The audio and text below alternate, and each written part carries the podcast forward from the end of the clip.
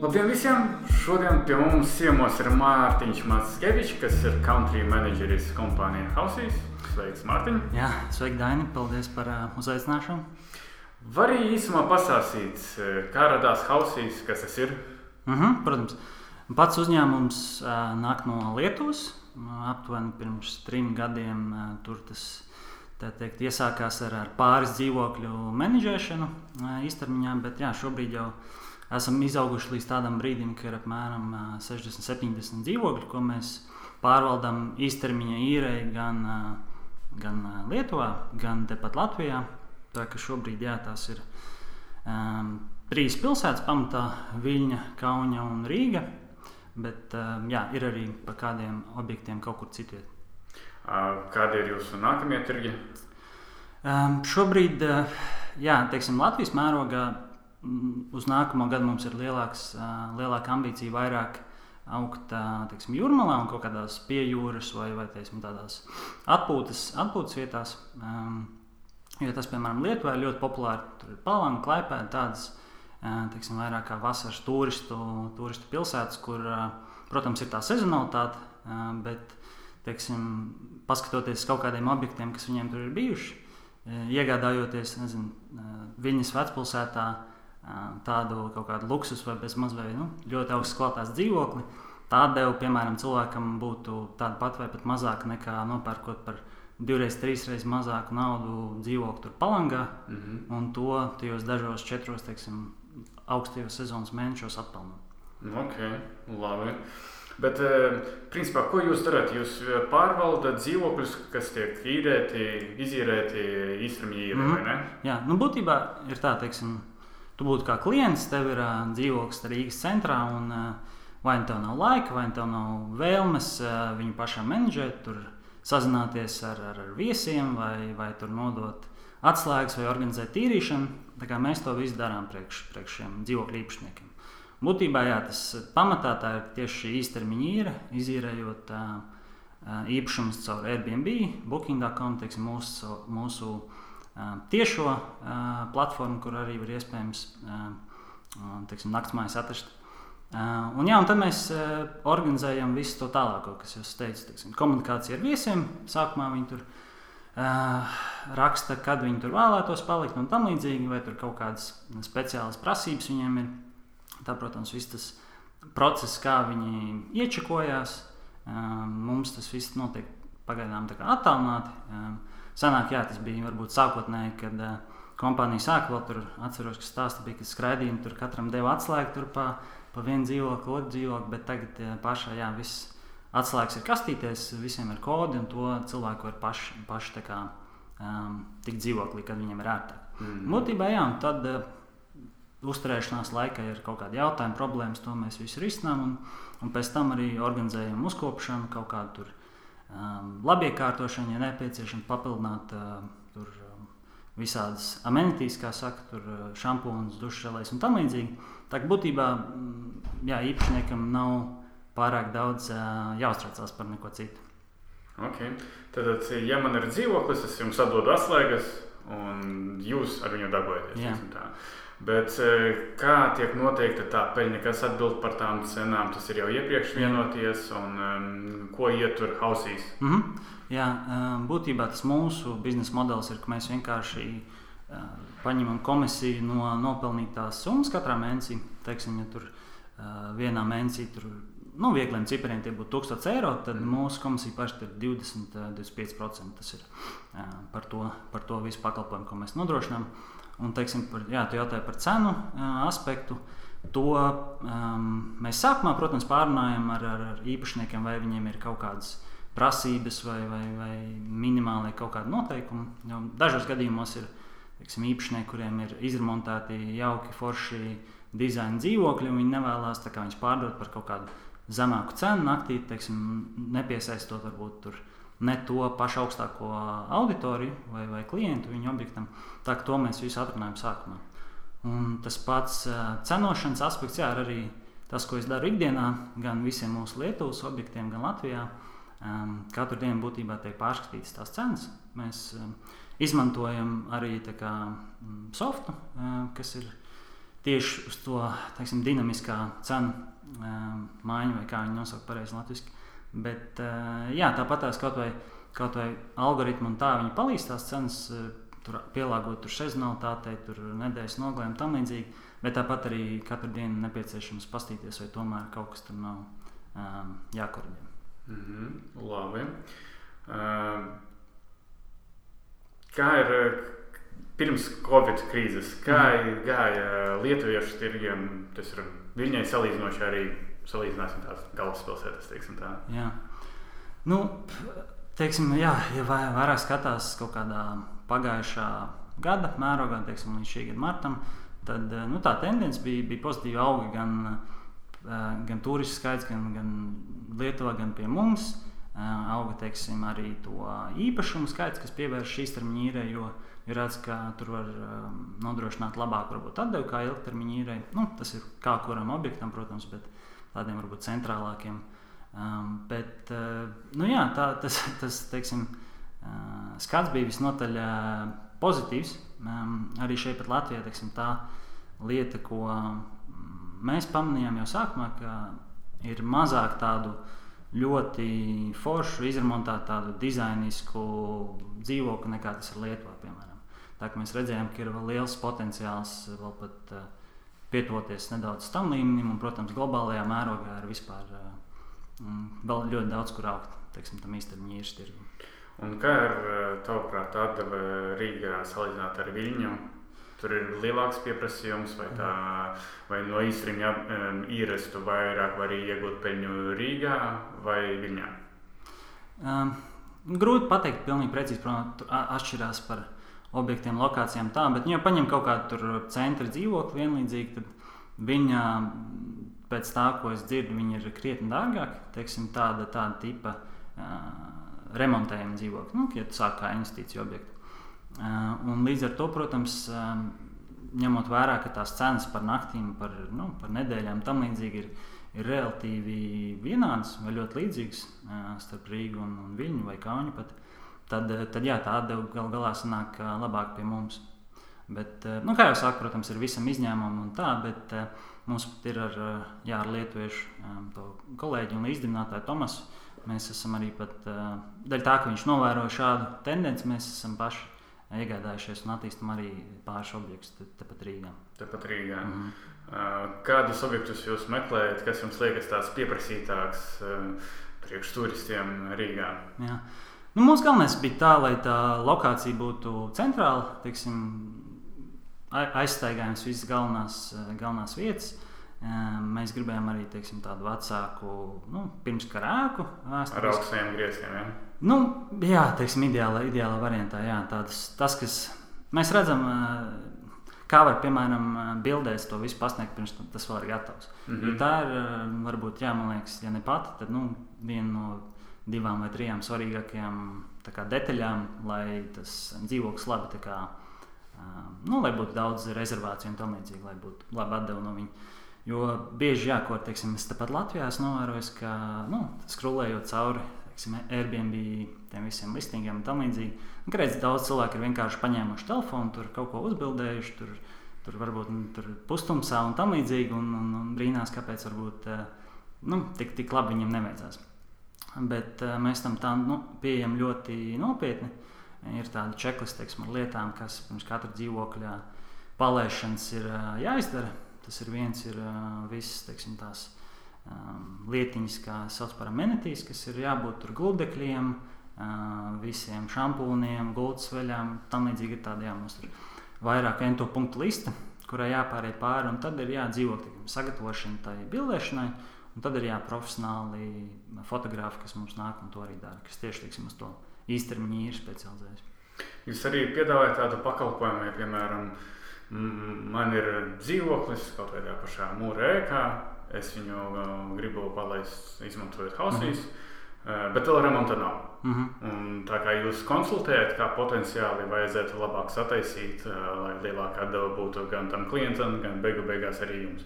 Jā, jā noteikti mums Lietuvā ir daudz tādu gadījumu bijuši, ka teiksim, kolēģi pirms vēl pat varbūt ir iegādāts objekts, ar viņu sazinās un pajautā, ko, ko domā par šo vietu, par pašu īpašumu un tam līdzīgi. Un tad, nu labi, varbūt mēs to pašu uh, tur. Um, Sienas varbūt mēs neslīpēsim, nešpaktelēsim, bet nu, tie ir tādi dizainisko un, un, un plānojumu ziņā noteikti varam palīdzēt. Un arī, arī šeit ir klienti, kuriem mēs to esam Rīgā arī darījuši. Tā, tur ir procesā, teiksim, vēl tā remonta daļa, bet tā, viņi teiksim, sagaida no mums, ka mēs varam tā objektīvi pateikt, vai tas objekts ir piemērots vai nē. Un tad, jā, kad ir teiksim, tā apusējā sapratne un, un, un, un patīk par to objektu, tad jā, arī tur sākas viss. Mm -hmm. Parasti arī turisti meklē īpašumus. Rīgas centrā tā kā guļam rajonī īsti neinteresē pat, ja cena būs mazliet zemāka. Jā, nu, guļam rajonos godīgi tur tāds pieprasījums nav īsti, īsti no tā turista. Varbūt ir kaut kāds cits nedaudz segments, par kuru es tik precīzi nemāku pateikt. Bet guļam rajonu tas būtu viens, bet varbūt kaut kas nedaudz tālāk, kas ir no centra. Bet, eh, piemēram, ja ir eh, automašīnas stāvvietas un tādas lietas, kas centrā ir ļoti limitētas, tā ir kaut kāda neliela tur, eh, priekšrocība, mm, vai varbūt tur pārdaugos rajonā vai, vai kur citviet. Bet, jā, sērija vai dzīvokļi un tam, tam līdzīgi rajoni, tas nav īsti tas, kur mēs kā, fokusējamies. Okay. Vai ir bijuši kaut kādi kuriozi, kad ienākat dzīvokli un redzējāt, ka ok, šeit bija tusiņš? Uh, nu, mums par laimi Latvijā nekas traģisks nav. Ir tās kaut kādas mazas lietiņas, kas tur saplīs un tam līdzīgi. Man par laimi ir pat gadījušies tādi pozitīvi gadījumi, kur, kur bija viena turista no Japānas atbraukusi un viņa bija saplaususi glāzi. Nu, glāzi maksā nezinu, 2-3 eiro, bet viņa bija uzrakstījusi tādu A4 vēstuli. Tur, Sakot, cik ļoti viņa atvainojās, tur uzzīmējis, tur glāzes saplēst un, un atstājis 40 eiro par to.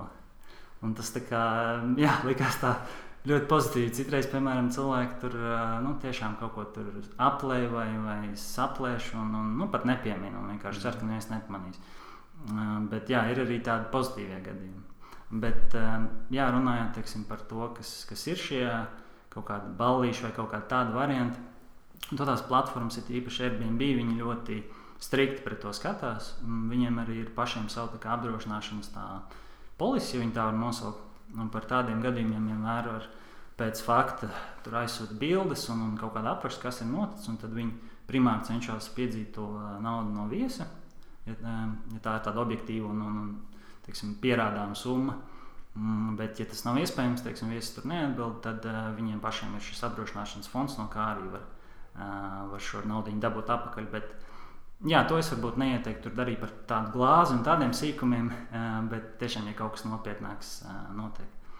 Bet tā, man liekas, arī viena no tādām priekšrocībām tām īstermiņa īrē, ka šādas lietiņas, kaut kādas mazas problēmas, mēs pamanām ik pa pāris dienām. Tā kā tīrītājs iet uz dzīvokli un padod ziņu, hei, tur šitais bija saplēsts, tas bija, nezinu, karot bija nočiet un tam līdzīgi.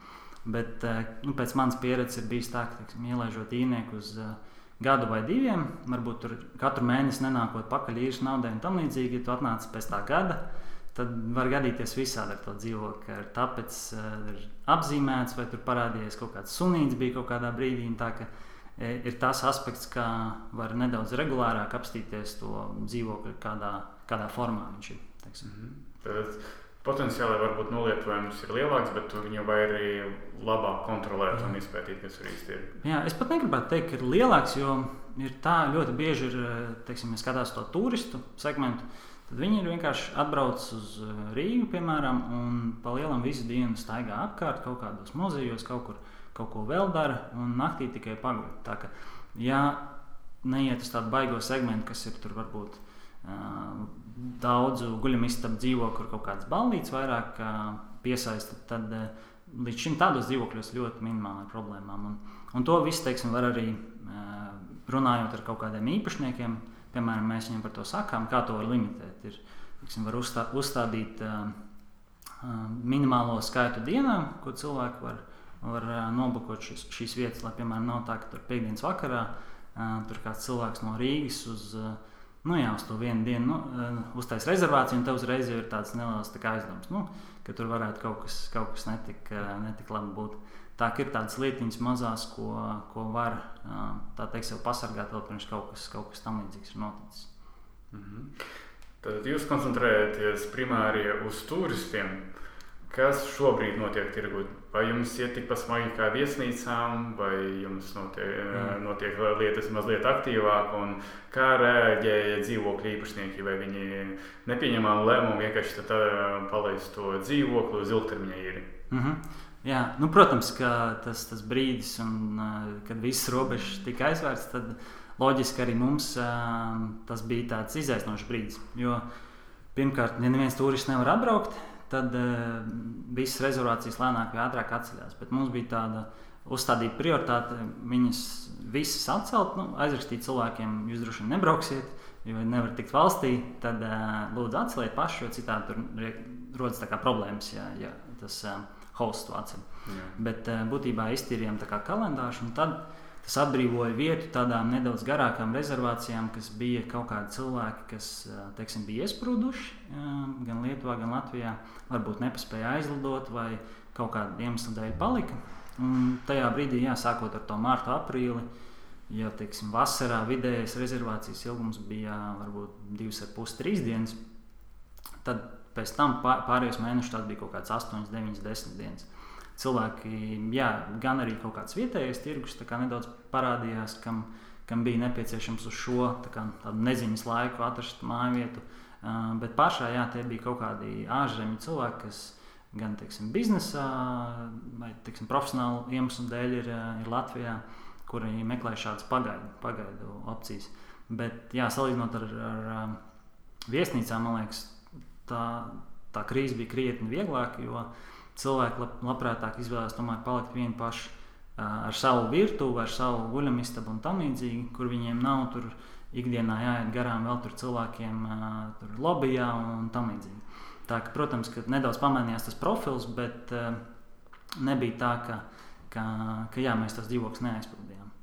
Bet to uzreiz varēja redzēt, piemēram, kad bija tas marts, marta beigas, kad parādījās visos tur SSA, protams, Facebook grupās pilns ar nu, tādiem foršiem dzīvokļiem no šīs īstermiņa īres. Un tas man liekas, tādā ziņā mums arī palīdzēja, ka ļoti, tiešām, es teiktu, ka 20-30% pazuda no, no šīm platformām. Un līdz ar to tad, uh, palīdzēja arī tiem pāriem dzīvokļiem, kas mums tādu foršu, viņiem tā kā izcelties vairāk uz tā fona, jo tas piedāvājums vairs nebija tik liels. Tā kā, jā, nu, bija savi izaicinājumi, bet es teiktu, ka tagad jau, kas bija jūlijas, augusts bija atkal līdz, līdzvērtīgāks pagājušajai vasarai. Jā, nu, protams, tur vidējā, vidējā varbūt naktas summa bija nedaudz mazāka, bet es domāju, vairāk tāda. Nu, vidējā turisti, tā, tāpat tās bija turisti no Eiropas, mm -hmm. un, un viņi varēja braukt uz dažām dienām un braukt prom. Un tagad, jā, atkal ir vairāk atpakaļ uz to etapu, kad visiem ir jāievēro karantīna un tam līdzīgi. Tā kā atkal parādās nedaudz garākas tās rezervācijas.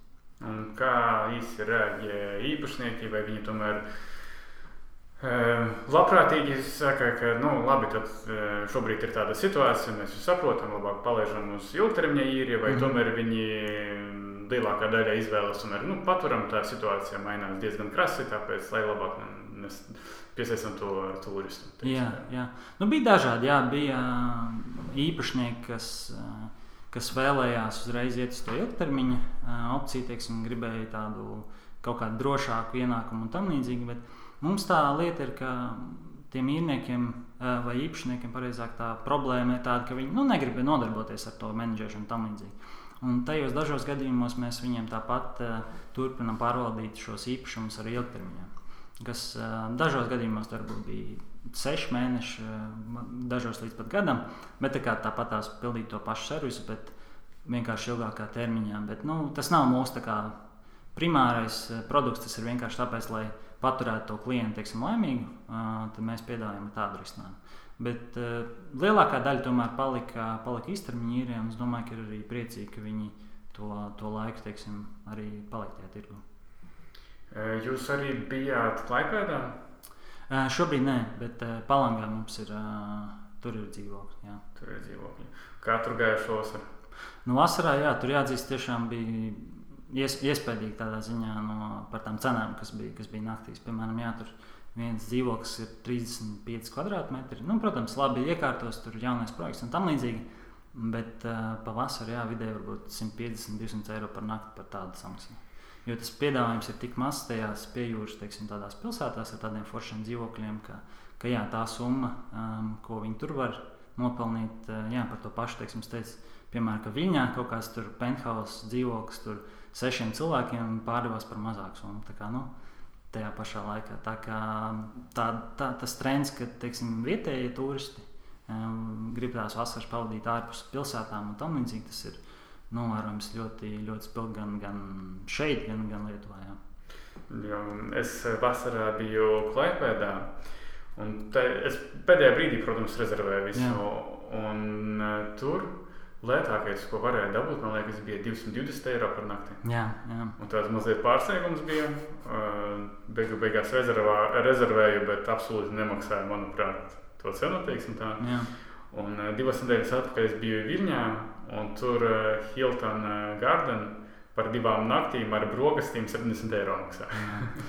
jā, jā, tas, nu, protams, jā, tas ir vienkārši no tāda aspekta piedāvājums un pieprasījums, ka tur tādās piejūras pilsētās nu, vispār nav tāda, tāda projekta. Un, nu, bieži jau jā, tā ir tā, tā sezonalitāte. Nu, vasarā ir tie divi, trīs mēneši, kur tiešām gāž riņķī un, un, un cilvēki tur knapi var atrast, kur palikt. Un par tādām kosmiskām summām. Bet, jā, tad jāņem vērā, nu, ka pēc tam sākās pārējie mēneši, novembris, janvārs, februārs. Kad, kad tas ir tāds bezmazliet spoku pilsētas, kad, eh, kad cilvēki, cilvēki tur tomēr nebrauc tik bieži.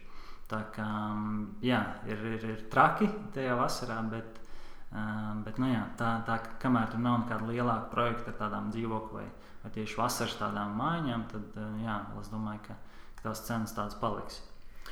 Kādi ir vispār nākotnes hausīs plāni, kur attīstīties vai nu citās valstīs vai pilsētās?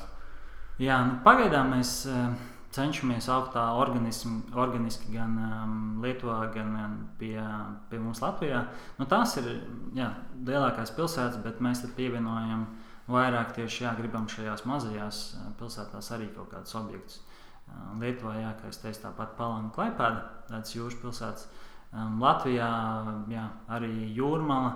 Un arī mēs, teiksim, Lietuvā šobrīd ir vairāk objektu, kuriem mēs nodrošinām šo pārvaldīšanu dzīvokļiem attālināti. Mums, jā. piemēram, ir Kaunijā tā tāda dzīvokļu viesnīca, ja tā var no, nosaukt kur nav neviens cilvēks, kas ir uh, darbinieks uz vietas, bet uh, mēs viņu tāpat at attālināt menedžējam šeit no, no Rīgas vai no Viņas.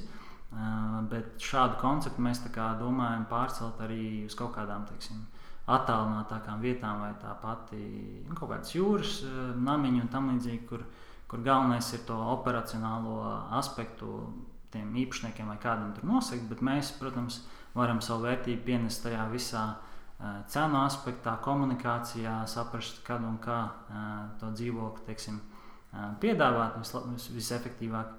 Un, un, un tas ir tāds varbūt segments, nevis tieši pat tā, tā vadība, pārvaldība dzīvo, ko mēs varam uz vietas, tepat Rīgā vai lielākajās pilsētās, bet arī tāda attālināta pakete, tā to var nosaukt.